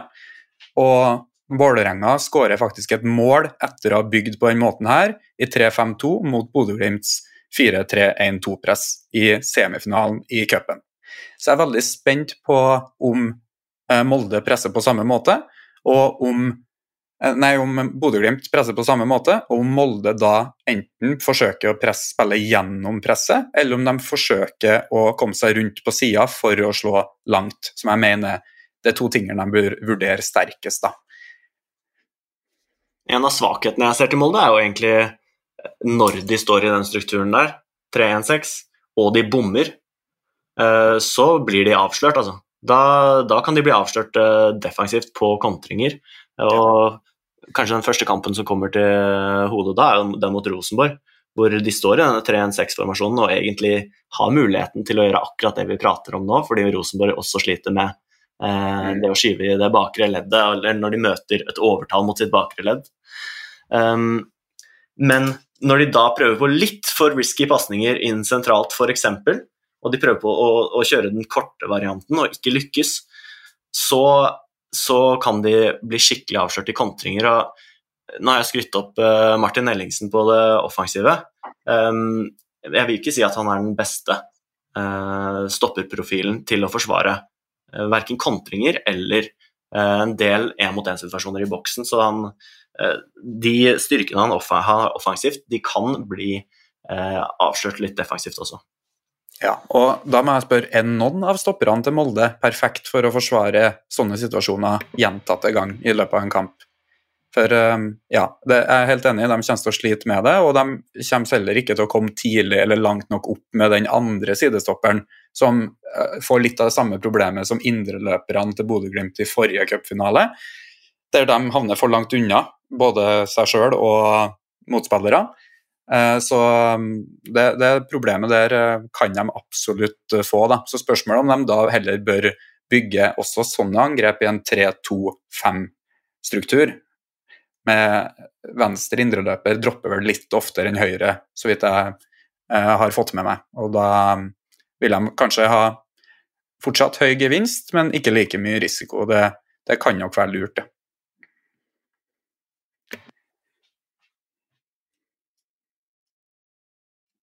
Nå har du på mute, mute igjen. Ja, der er jeg tilbake på det vi mute. Om. Fader, altså. Ja, det er bare én gang til nå i dag, da. Ja. Men uh, første og siste. Nei, altså de, det er jo interessant det med Ellingsen, fordi at i enkelte kamper så går han ganske ofte opp i det midtbaneleddet, sånn at det står med to stoppere og, og to, to, slash tre dype. Det kommer litt an på hvordan de bruker indreløperne, men jeg vil jo tippe at de, at de bruker den som en mer sånn klassisk tre i hvert fall fra start da, mot Glimt. Altså, det er ganske skummelt med Pellegrino blant annet der i kontringsfasen hvis de skal gå opp med to, fordi bekkene skal veldig høyt, spesielt Kristoffer Haugen. Um, når det gjelder motspillet der også, er, uh, blir jeg ikke overraska om, om Molde holder sin høyre wingback litt, uh, litt, lavere i sitt angrepsspill enn på venstresiden, pga. den kontringstrusselen fra Pellegrino, som også kan finne på å jukse litt uh, litt defensiv, så jeg er spent på det. Jeg syns Ellingsen er en veldig nøkkelspiller i den kampen her, fordi som Marius sier, så har han veldig klare styrker, men så har han også blitt veldig avslutt, spesielt i enkelte europakamper. Så nå får vi også det med at det antageligvis hopper og spretter litt på den banen, som um, i utgangspunktet kanskje tenker kunne vært det, i hvert fall før ville vært en fordel for, for Molde, og kanskje fortsatt er det, men, men nå har Molde den, nei, Glimt den spissen de kan spille rett opp på, som er stor og sterk, og Molde også har en sånn stopper der da, i Ellingsen som eh, kan finne på å få noen ballmiss som gjør at det kan bli ganske så skummelt, fordi han er så god ballspiller og han har lyst til å finne de gode, enkle løsningene, eh, gode, kreative og de optimale løsningene, at kanskje Jeg er spent på om han klarer å tilpasse seg til matta og, og ja, risikovurdering, da, rett og slett. Så det blir spennende å se presspillet til Glimt, fordi sånn som Anders sier, så har Glimt faktisk variert ganske mye i den eh, strukturen de har pressa i. Det har vært alt fra 4-5-1 til sånn som de pleide å presse for to-tre år siden i, i, i ja, 4-3-3 eller 4-3-1-2, sånn som Brann presser i år, da. Det er sånn Glimt pleide å presse før, men den intensiteten og, og presspillet i høyt press, det har ikke Glimt i år. Det, det er eh, De har blitt dårlige Jeg mener de har blitt ganske klart dårligere i presspillet de siste årene, og det, de har kanskje ikke typene til det. Jeg vet ikke. Sånn som det kan jo dra det litt over på silly season, men det er jo snakk om at eh, Glimt ikke er sikre på om de vil ha Pellegrino neste år, eh, for han blir 34, og det har litt med, med det med om de skal komme tilbake til det å kunne presse høyere og mer aggressivt, og kanskje til og med få inn en spiller som er bedre én mot én, altså dribling, da. Men uh, ja, han er jo ganske unik når det kommer til uh, smartness og avslutningsteknikk og alt, så det er jo ikke bare bare. Uh, jeg tror ikke Pellegrino er fornøyd med å, være sånn 50-50 innbytter, starte litt innbytter, da, da stikker han. det er jeg ganske sikker på. Så ja, det blei litt mange ting det her nå, da. Men ja, det blir Jeg gleder meg så sykt til den kampen her, altså. Jeg gjør det. Nei, men jeg tror. På sidene så vil jo mye av uh, ting avgjøres i det, det, offensive spillet til Molde. Det blir jo spennende å se om Martin Hellingsen klarer å, å finne de crosserne som, er, som, han har veldig Det har jeg troa på at han klarer, fordi de crosserne er ekstremt uh, presise. Litt som du nevnte med han Birk Risa også. Um, men den 4-1-kampen fra september 2022, det er jo da siste, siste oppgjør i, i fjor Eh, så vinner de vel 4-1, om jeg ikke tar feil. Ja, riktig. Ja, og, da, og da alle fire, eller tre av de fire målene, de tre første, de kommer på at man får spilt fri en wingback. Det første så får du spilt fri en wingback på ene sida, og så kommer Wembangomo eh, flyende opp i press for å rekke å ta ut eh, den én-mot-én-situasjonen før den egentlig har oppstått. Men så blir den vegga ut da, i en entouch-vegg, Eh, og wingbacken får komme fritt på nesten fritt på mål allerede i, eh, etter én aksjon, hvor du gratis får ballen ut på en wingback, og så kommer det en flyvende back på deg, og du får en, en, en veggsituasjon og kommer fritt på mål. Det er forholdsvis eh, enkelt å skulle komme såpass fritt til en så stor sjanse på så enkelt spill. Um, neste situasjon Altså Neste målet kommer da av at det skjer akkurat det samme, men så går ikke Wembangomo hurtig uti. Og så er wingbacken fri til å slå et innlegg fra 20 korridor, 20 meter ish, eh, på da en et stort overtall eh, i boksen, fordi at Molde tar med hele den sekseren sin, den 3-1-6-formasjonen, eh, inn i boksen. Slår den inn mot bakere, og så er det nesten tre mot én mot eh, bekken til til Bodø-Glimt på andre siden. Uh, og det skjer da enda en gang etter det. Og så er det en kontring uh, fra Brynildsen som er fjerdemålet. Uh, så du, får jo alle de tingene vi har prata om her nå, da kommer jo mest sannsynlig til å bli avgjørende på nytt. og så får man se hvordan de takler de situasjonene som oppstår med disse elementene. Mm. Ja, nå har vi vært, vi har vært innom vi har vel vært innom både oppbyggende spill for begge lag og litt høyt og lavt press for begge lag, har vi ikke det? Er det noen ting dere vil ta med der uh, før vi skal komme litt sånn den siste delen? Ja, nå var det jo Molde som tapte uh, siste match, da, så jeg er jo mest spent på hva justeringer de gjør. Uh, de er både eksponert på kontringer i den kampen og har problemer i etablert forsvar. Eh, jeg skulle jo ha likt å sett at de har vært mer aktive i forsvarsspillet og pressa mer aggressivt, gjerne med høy, litt høyere linje, og kunne legge mer press på ballføreren. Altså, Brann eh, viser jo det ekstreme tilfellet i den andre enden av skalaen, der de bare har press på ballføreren hele tida. Eh, på en ja, måte som varmer mitt hjerte. Mens Molde de blir veldig lett i en sånn passiv lav blokk, som jeg tror risky business mot Bodø-Glimt. Selv om eh, ja, sist gang de møttes på samme bane, så var det Molde som tok det lengste strået. da. Så det er det jeg håper de justerer der, og at de fortsetter å eh, bygge videre på det de gjorde offensivt der i perioder. Så mer aggressivt forsvarsspill det høres ut som det eneste jeg står for. Jeg tror det var det jeg sa når, hvordan man skal slå Tromsø også, med at man tør å presse høyt og ikke bare akseptere at de styrer hele kampen. Men eh, ja, når lag har blitt så gode mot etablert lavt passivt press, så må du ikke la dem spille så mye mot etablert lavt passivt press, helst. Men ok, da har jeg hatt spørsmål jeg tenkte på, Anders. Hvis, ja. hvis vi spoler tilbake til de kampene i 2022, da vi så Viking, blant annet, da, som jeg husker veldig godt, pressa mann-mann rett på steinhardt, og Glimt ble tvunget til å slå langt. Så har Glimt justert seg litt med, som vi snakka om, indreløperne og bekkene. Eh, hvordan kan man lykkes med å kunne presse høyt når, når, eh, når Glimt nå blir smalere med bekkene og har nå to bekker som er gode én mot én, eh, og de har gjort de justeringene på midtbanen? Er det må, må Molde gjøre noen endringer i sitt presspill fra i høyt press fra det de har gjort tidligere mot Glimt? Det er et uh, godt spørsmål, i og med at de fortsatt, og som alle andre lag her i Norge, kjører ganske mannsorientert. Det Brann gjorde, var jo litt unikt sånn sett, men uh, ja, du har jo noen som skiller seg ut. Men ja, de fleste kjører jo da et mannsorientert høyt press. Uh, så de må bare passe på det her med backene, og kanskje òg noen gang dytte indreløperen ut i en posisjon for å ta over back i og med at veien til wingback blir veldig lang. Jeg tror det var Sarpsborg 08 som markerte indreløper til Bodø-Glimt med sin back på noen femmetere for å løse slike situasjoner.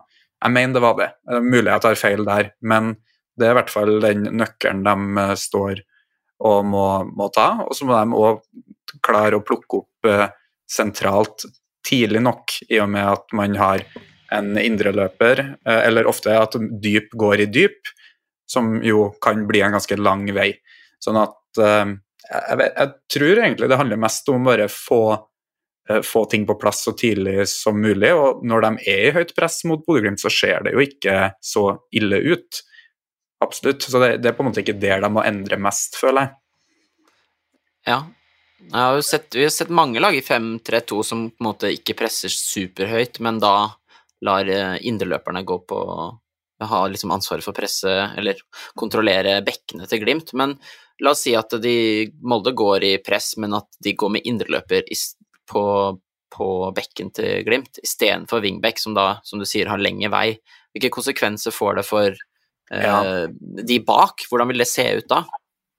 Ja, og det der er jo noe de kanskje ikke bør ha som default. og de, Det er nok enklere å ha wingback i back som regel, og så får det heller bli et unntak der at indreløperen til syvende og sist kommer opp i backen, men at man da skyver med enten indreløper eller sidestopper eller wingback oppover eh, et ledd, og da inn i midtbanen.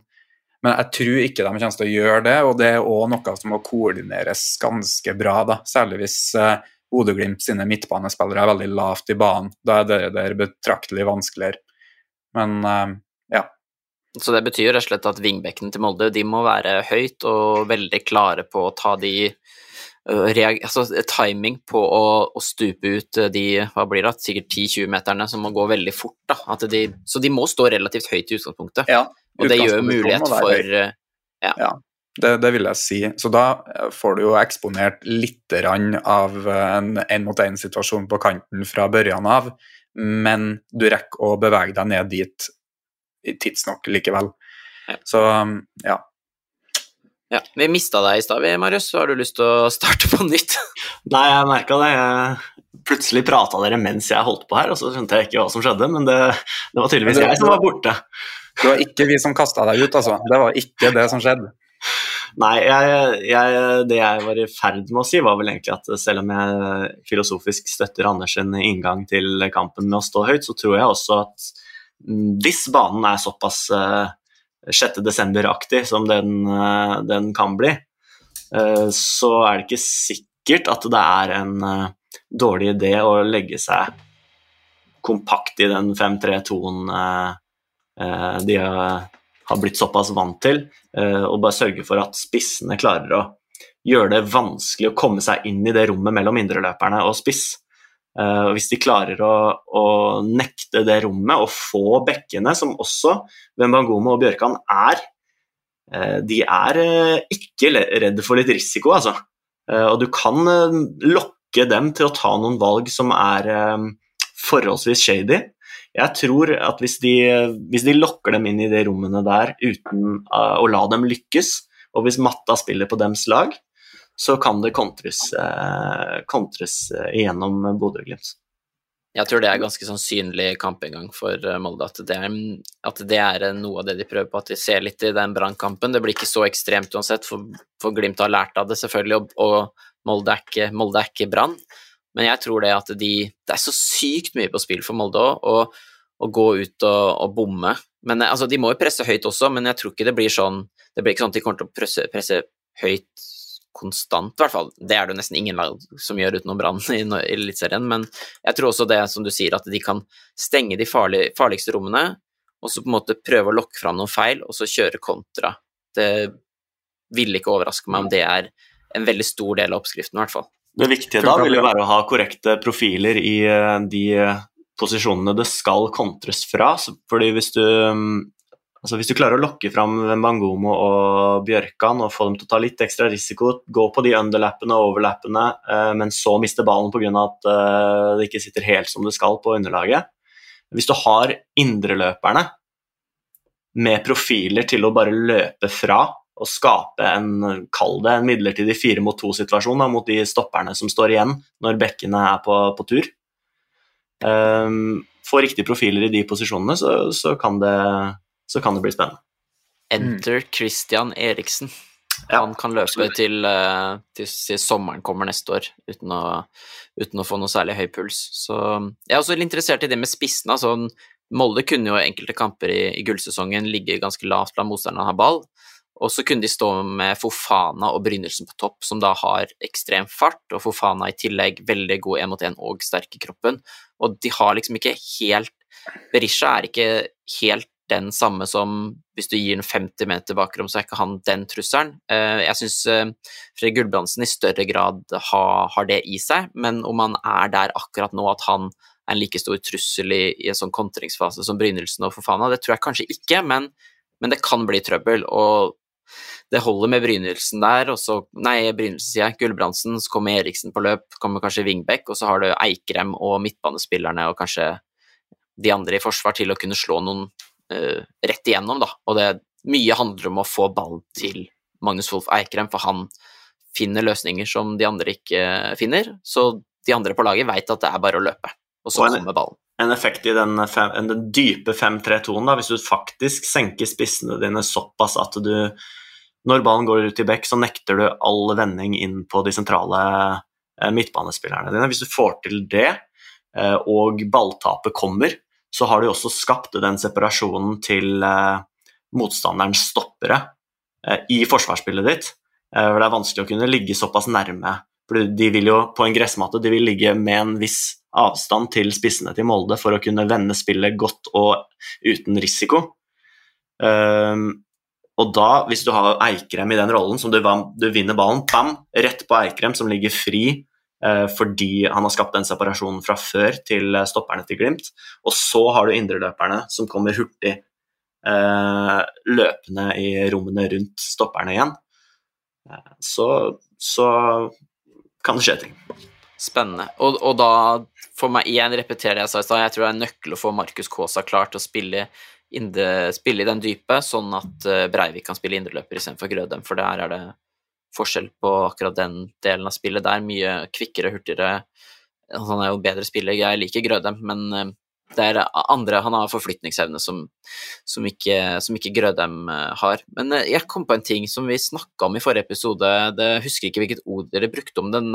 handlet om å gi bort meter eller kjøpe meter, eh, komme seg framover, om det var progresjon eller hva dere kalte det, så, så handler jo litt det med at hvis Molde går inn i det, så, så gir de på en måte Glimt De kommer jo til å gi dem mm, altså meter til å komme seg framover i banen gratis, men at de da tenker at det er eh, et bedre onde enn å Ja. men at de kan få noe positivt ut av det med å kunne stenge farlige rom og så kontre, da. Så det, det var Du snakka om det, Anders. Du må fortelle meg det uttrykket du brukte sist. Ja, eh, det er vel spatial progression man sier på engelsk, men romprogresjon eh, direkte Der var det. Ja, Romprogresjon. Det er fint. Det, det, trenger NASA og alle andre. Ja, ikke sant. Så de flytter seg opp eh, Vi kommer til å ta den vitsen der et par ganger før vi er ferdige, tror jeg. Jo da, det blir ja, de flytter seg opp som et lag for å ja, dra nytte av alle effektene man gjør ved å gjøre det. Eh, og det her er litt sånn artig greie òg, med at eh, i den kampen som var i vår på Aspmyra, når Molde Det var 2-2, og Molde leda 2-0 ganske lenge. Uh, selv om de hadde én mann utvist etter uh, hva det var, 18 minutter, noe sånt. Og da da lar de jo Bodø-Glimt komme veldig langt inn på egen halvdel. Det var nesten absurd hvor langt inn de kom. Og det var nesten enda mer merkelig at Bodø-Glimt valgte å gjøre det. De førte frem med stopperne til de var på sånn 25 meter, nesten. Og både sirkulert ballen rundt omkring, men også prøvde å sette opp eh, overtallssituasjoner, kombinasjoner osv. Det betydde jo at det var kanskje to meter da, i luftlinje fra spissen til Molde til stopperne, som gjorde at raskere spissene på Molde de var jo rett i bakrom idet Molde vant ballen. Så absolutt, det er jo noe man kan ta og utnytte hvis man treffer rett. Men da var heller ikke Bodø-Glimt like flink i det etablerte angrepsspillet. Og de har tatt mer hensyn til det i den neste kampen mot Molde, må sies. Og Det er en ting jeg syns de har blitt litt flinkere på, men eh, de drar på seg press også de gangene det ikke er særlig lurt. Og ikke bare i de åpenbare tilfellene Marius snakker om, der at de tar for mye risiko, mister ball, blir kontra på, men også der at eh, la oss si stopperen fører fremover og egentlig bare gir wingbacken på ballside tid til å komme nærmere vingen til Bodø-Glimt før han sentrer til vingen. Og når han da sentrer til vingen, så er vingen feilvendt, i stedet for at man tidlig spiller ut. Så det med å sirkulere, som en egentlig skulle tro Bodø-Glimt var ganske god på, har de bitte litt forbedringspotensial på der de må gjenkjenne hvor det er lurt å bare få flytta ballen så kjapt som mulig ut til en to mot én eller en én mot én-situasjon. Eh, for eh, ja, det slet de i hvert fall med i det våroppgjøret. Og det har blitt bedre, men det er en ting som er verdt å merke seg for fotballtrenere. At det er ikke sånn at det alltid er bra å ta på seg press, og det er heller ikke sånn at det alltid er bra å bare bruke to touch. Og det større budskapet her må jo kanskje være mer i det siste jeg sa der med at Molde, nei, jeg mener Bodø-Glimt, som spiller en veldig attraktiv type fotball og en veldig utviklende fotball, vil jeg si. Sånn generelt vil jeg påstå at du som driver med spillerutvikling, bør være mer som Bodø-Glimt enn som noe annet lag i Norge. Eh, og her er kontra til det jeg sier om lag, dem som trener lag i Eliteserien, som bør ligne mer på Tromsø enn Bodø-Glimt igjen. Så jeg mener at den stilen til Bodø-Glimt, som både baserer seg på dribling, kombinasjoner og pasningsspill, er bedre for unge spillere hvis de skal bli skikkelig gode. Og da er spørsmålet hvor lurt er det at du har to touch på hver trening, hvis at du skal bli så flink til å drible som Bodø-Glimt-guttene har blitt? Og det er en ting jeg vil gjerne få si da, ut til dem som hører på. Bra. Det var uh, Du sa du skulle være innom det, så jeg liker det. Det er jo uh, to-touch- og tre-touch-begrensninger og spill fra Spill fort, spill med en gang. Det er jo målet den veien, osv. Det er mange floskler, og uh, det er vel det å bruke riktig touch og gjøre riktig valg og antall touch. Det er det som er, det er, det som er vanskelig, men jeg synes det er veldig interessant det du tok opp der med stopperen i forhold til Eh, opp mot vingene, altså. Så det er jo det jeg på en måte savner lite grann fra Eller jeg syns Glimt er gode med stopperne til å komme tett på Altså få førstepresset tett på, sånn at du får rom, men ingen av de som spiller nå, er like ekstreme som det Marius Lode var. Men samtidig så har de jo nå to backer som har den ferdigheten eh, som eh, bare Bjørkan hadde i gullsesongen der. Så ja, Marius? Ja, jeg, jeg, vil jo egentlig bare Vi nærmer oss vel avslutninga her, eh, tenker jeg. Ja. Men, eh, men eh, en siste ting da, som vi kanskje ikke har vært innom, som er en del av fotballen, det også, det er jo Dødball. Det er jo dødball. Og vi har jo forrige oppgjør hvor Glimt vinner 3-1, så er to av målene på dødball. Og da har vi jo litt dette med romprogresjon. Da. Hvis du lar Glimt komme for gratis frem til uh, siste tredjedel, så vil det dukke opp uh, en del dødballer. Uh, nå veit jeg ikke hvor gode eller dårlige Molde er på defensive dødballer, men med en keeper ute med skade og en annen keeper inn som kanskje ikke har den samme erfaringa i boksspillet, så vil jo det være en faktor å også legge inn i beregninga si når du skal sette opp forsvarsspillet ditt. Hvor dypt skal jeg forsvare meg, eh, og hvor mye dødballer skal jeg la Glimt komme til eh, med de profilene jeg har i laget mitt akkurat nå. Eh, og Det er jo noe f.eks. Rosenborg har slitt med i sitt dype forsvar. At de har sluppet til ekstremt mye dødballer og ikke har hatt de profilene som skal til for å forsvare de dødballene. Ja, jeg er helt enig i det med Oliver Pettersen. Han er mer reservert i, i feltarbeidet enn det Jakob Karlstrøm er. så det Jeg har ikke statistikken her nå, men jeg føler ikke Glimt er liksom det farligste dødballaget i Norge. Men det er klart, du har alltid en liten sjanse til å skape noe, så hvis du får altfor mange muligheter, så blir det jo antageligvis trøbbel til slutt. Og en siste ting jeg vil si, det, vi blir jo holdende på til i morgen her, det hører jeg, men Patrick Berg han har vi ikke snakka om, og han kan bli faktisk ganske viktig. Fordi at spissene til Molde det er ikke det mest intensive spissene defensivt. Det syns jeg ikke. De er heller ikke så flinke. Ja, men samtidig, de er ikke kjempeflinke på å stenge det sentrale fremrommet, og særlig når ballen passerer dem. Så Bodø-Glimt, bl.a. i kampen mot Molde, kan finne Patrick Berg via en tredjemannspasning. Eh, både fra den der motsatte indreløperen som vi snakka om i starten, men også fra spiss. Og husk at Rodri i City sin 4-3-3-ish struktur var den som avgjorde Champions League-finalen mot 5-3-2, der han ja, setter inn et cutback og har egentlig litt sånn Det er en relevant sammenligning, for Patrick Berg spiller også ganske høyt i banen til å være dyp. Han er kjempeflink på å holde en høy posisjon, og har jo en del mål, faktisk. Har du ikke? Jo, langskudd. Han har sinnssykt bra dupp i de skuddene sine. Frispark også. Og han kan bli fri en del gang, og fra der så kan det bli trøbbel, da. Og det er en eh, litt sånn artig ting hvordan du bruker sekseren i dag kontra før, der en defensiv midtbanespiller plutselig er i samme rom som en tier ville ha vært for mange år siden. Skal ikke se bort fra Berg dundrer inn et eh, langskudd, og da har vi den med rumperegresjon igjen. Hvis de kommer seg høyt i banen og Molde blir lave hele tida, så vil det jo komme muligheter for å, å, kline til, og han har blitt mer og mer aggressiv på det de siste altså, året, halvannet. Og også det du snakka om at eh, ankeret kommer høyere opp, det er også noe som Glimt har utvikla nå i nyere de siste årene. Han mm. husker det var snakk om det for et år eller to siden i Europa, at det var noe de jobba med, å få han høyere opp i, få han høyere opp i banen. Så det er absolutt noe Glimt har utvikla. Så ja. ja. Er det på tide å runde av, eller gutta? Jeg tror det. Skal vi ta først en liten shout-out? Vi glemte å gjøre det i starten til dem som har gitt oss tilbakemeldinger og sånt på ja. podkasten. Vi har jo allerede levd ei uke nå, har vi ikke? Jo da, Så, det har vi. Nei, eh, tusen takk til dere som hører på, og jeg vil eh, gi en spesiell takk til Olav Øverli, som skrøt veldig av oss. Det syns vi er hyggelig.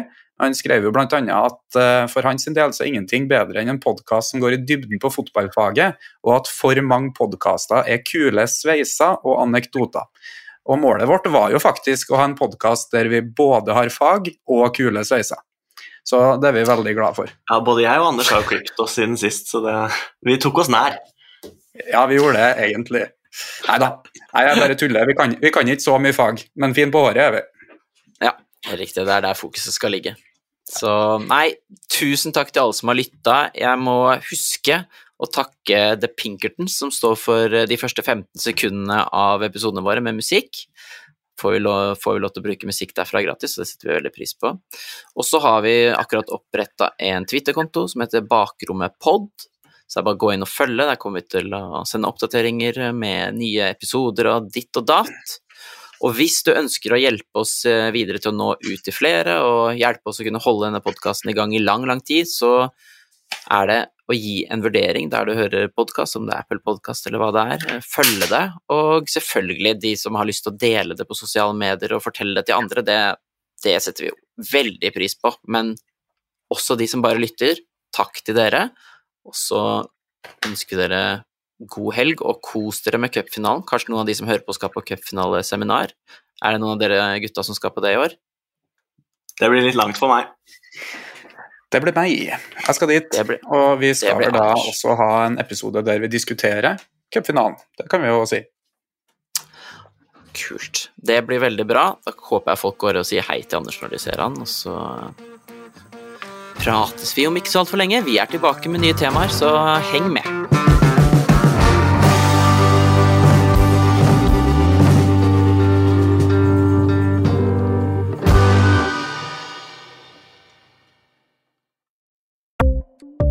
Ukens annonsør er HelloFresh.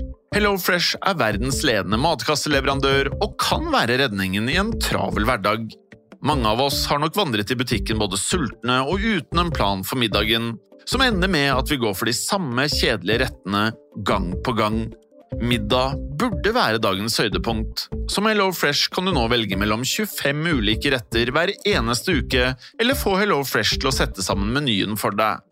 Dette gir deg muligheten til å prøve nye og spennende retter alene eller sammen med familien. Du velger antall porsjoner og får alt levert på døren på et tidspunkt som passer for deg. Oppskriftene er enkle, og maten er lett å lage både for store og for små. Ved å få alt levert hjem får du også mer tid til å dele matgleden med familie og venner.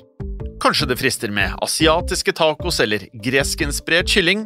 Da kan jeg anbefale deg om å gå inn på hellofresh.no. Her kan du bruke koden FOTBALL og få opptil 1779 kroner i rabatt på de første fem matkastene hvis du ikke har prøvd Hello Fresh tidligere. Du kan også bruke rabatten hvis du har vært kunde og stoppet abonnementet ditt for tolv måneder siden eller lengre. Gå inn på hellofresh.no og bruk koden FOTBALL.